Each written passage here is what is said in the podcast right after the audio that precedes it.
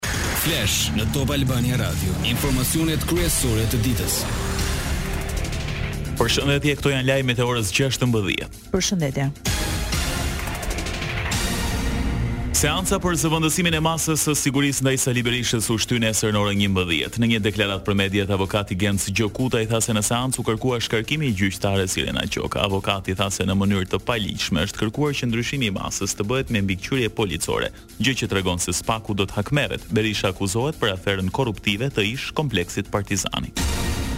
Në një deklaratë për mediat ish-kryeministri Sali Berisha ka akuzuar kryeministrin Rama në lidhje me aferën e inceneratorëve si një ndër autorët kryesorë. Berisha përmendi edhe faktin që pritet të dalin dëshmi rrënqethëse që lidhen me inceneratorët. Janë absolutisht autorët më kryesorë të kësaj vjedhje. dhe përdoren për të mbuluar vjedhjen e tyre për Tir Zoto Gugallo e vjedhjen e të paktën njëqind e dhjetë milionë euro që janë zhdu pa nam nishan nga njëqind e njëzet e tetë milionë që shkon fatura deri sot me të gjitha problemet për të cilat Erion Veliaj dhe Edi Rama janë ortakë kryesorë në këtë vjedhje Engjëll Agaçi Artur Metani.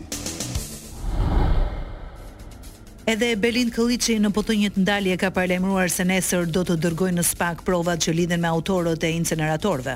Bashkëlidhur, ditën e nesërme ne do të dërgojmë në SPAK një kopje të emisionit ku ky shtetas në mënyrë objektive ka deklaruar dhe pranuar faktet që i kemi zbërthyer organit të akuzës. Një, Mirel Mërtiri shprehet për marrëdhënien me shtetasin Klodian Zoto. Dy, minuta dyzet e një deri në minutën dyzet e Mirel Mërtiri shprehet se nuk është njoftuar për t'u paraqitur në Komisionin Hetimor, pasi kishte interesa të caktuara të mos paraqitesha. Këtë pretendim të tij të ngritur në emision unë e rrëzova me një dokument zyrtar të Komisionit Hetimor të vitit kaluar, që zotëria në fjalë të mos paraqitej në dëshminë e tij, se dihej se kush përvëlohej, në momentin që ai do të vinte.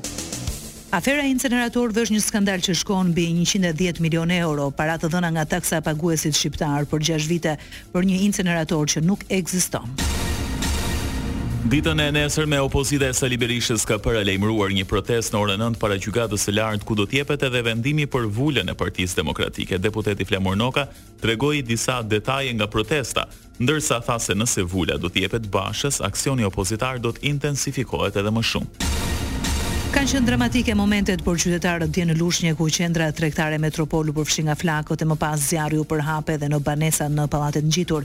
Kati i katërt dhe i pestë i një kompleksi pallatesh janë shkrumbuar plotësisht, duke lënë pas një ndërtesë thuajse fantazmë. Kryetarja e Bashkisë së Lushnjes, Eriselda Sefa tha se kanë bërë gati konviktet e shkollës mekanike për të strehuar banorët e pallatit. E pyetur për gjendjen e atyre që shkuan në spital, Sefa tha se janë në gjendje të mirë shëndetësore. Inspektori i Lartë i Drejtësisë ka kërkuar shkarkimin e gjyqtarit pranë gjykatës Lushnje, Ken Dhima, pasi ka bërë shkelje të rënda profesionale.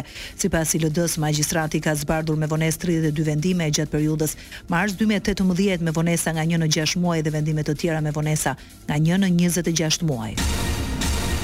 Në kantierin e Rrugës së Arbrit, kryeministri Edi Rama dhe zëvendës kryeministrja Belinda Balluku inspektuan punimet e tunelit të Murrizit, i cili është drejt finalizimit. Balluku tha se tuneli i Murrizit është një nga pjesët më të vështira ku progresi në gërmim ka qenë më i ulët krahasuar me vepra të tjera për shkak të problematikave gjeologjike, por pritet të përfundojë vitin që vjen. Lajmet në internet në adresën www.topalbaniaradio.com. Këtë vit vendi ynë ka pasur një bum me turistë të huaj nga e gjithë bota që kanë zgjedhur të pushojnë në Shqipëri, mbi dhjetë milionë turistë kanë vizituar vendin tonë këtë vit, kjo shifër që është rekord për turizmin shqiptar, u tejkalua natën e Krishtlindjeve. Kryeministri Rama ka ndarë shifrat, ku shkruan se kjo është një arritje fantastike e paimagjinueshme më parë. Në tre vitet e fundit rreth tetë për qind e mjekëve veterinerë kanë emigruar nga vendi me qëllim punësimin jashtë. Në total, në vend numërohen një mijë e dyqind e njëzet mjekë veterinerë. Presidenti i Urdhrit Profesional i Mjekëve Veterinerë Ervin Resuli në një takim me gazetarët pohoi se pjesa dërmuese emigrojnë drejt shteteve si Anglia, Gjermania dhe Zvicra, për shkak të lehtësisë në njohjen e diplomës. Lajme nga rajoni. Qeveria e Serbisë thotë se nga një janari i vitit të ardhshëm do të lejojë lëvizjen e makinave me targa RKS, Republika e Kosovës, nëpër territorin e saj. Aktualisht qytetarët e Kosovës që lëvizin nëpër territorin serb me targa të Kosovës mbulojnë pjesën ku shkruan RKS me letër ngjitëse. Vendimi u publikua nga shefi i Zyrës për Kosovën, Petar Petkoviq, në një konferencë shtypi në Beograd. Bashkimi Europian pret që Kosova të marrë vendimin e njëjtë si Serbia për njohjen e targave. I pyetur nga Top Channel, zëdhënësi për politikë të jashtme i BE-së, Peter Stano thotë se blloku mirëpret vendimin e Serbisë për njohjen e targave të Kosovës dhe largimin e letrave ngjitëse. Qeveria serbe ka dhënë vendimin më herët për të njohur targat RKS dhe të mundësojë qarkullimin e automjeteve në territorin e Serbisë. Një ngjarje e rëndë ka ndodhur mbrëmjen e së hënës në Mal të Zi, ku katër persona kanë humbur jetën në një aksident. Sipas raportimeve nga mediat lokale, tre nga viktimat janë shqiptarë dhe një malazez, të cilët janë identifikuar si Mirza Mekuli, çifti i bashkëshortëve Mersin Haxhaj, njëzet e gjashtë vjeç dhe gruaja e tij Eldina, njëzet vjeçe, si dhe Nermin, Trikoviç, njëzet e shtatë vjeçe. Lajme nga bota. Zyrtarët ukrainas morën përgjegjësinë për një sulm masiv ajror në qytetin Feodosia të Krimesë ditën e sotme duke dëmtuar flotën e Vladimir Putinit. Shpërthime të fuqishme tronditën rajonin. Komandanti i Forcave Ajrore të Ukrainës ndau një video të sulmit në Telegram dhe deklaroi se sulmi shkatërroi një anije të madhe të marinës ruse.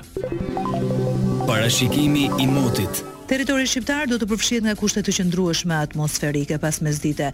Vranësirat shtohen, ku më të fokusuara do të jenë në zonat veriore dhe lindore. Temperaturat e ajrit do të luhaten nga minus një deri në tetëmbëdhjetë gradë Celsius.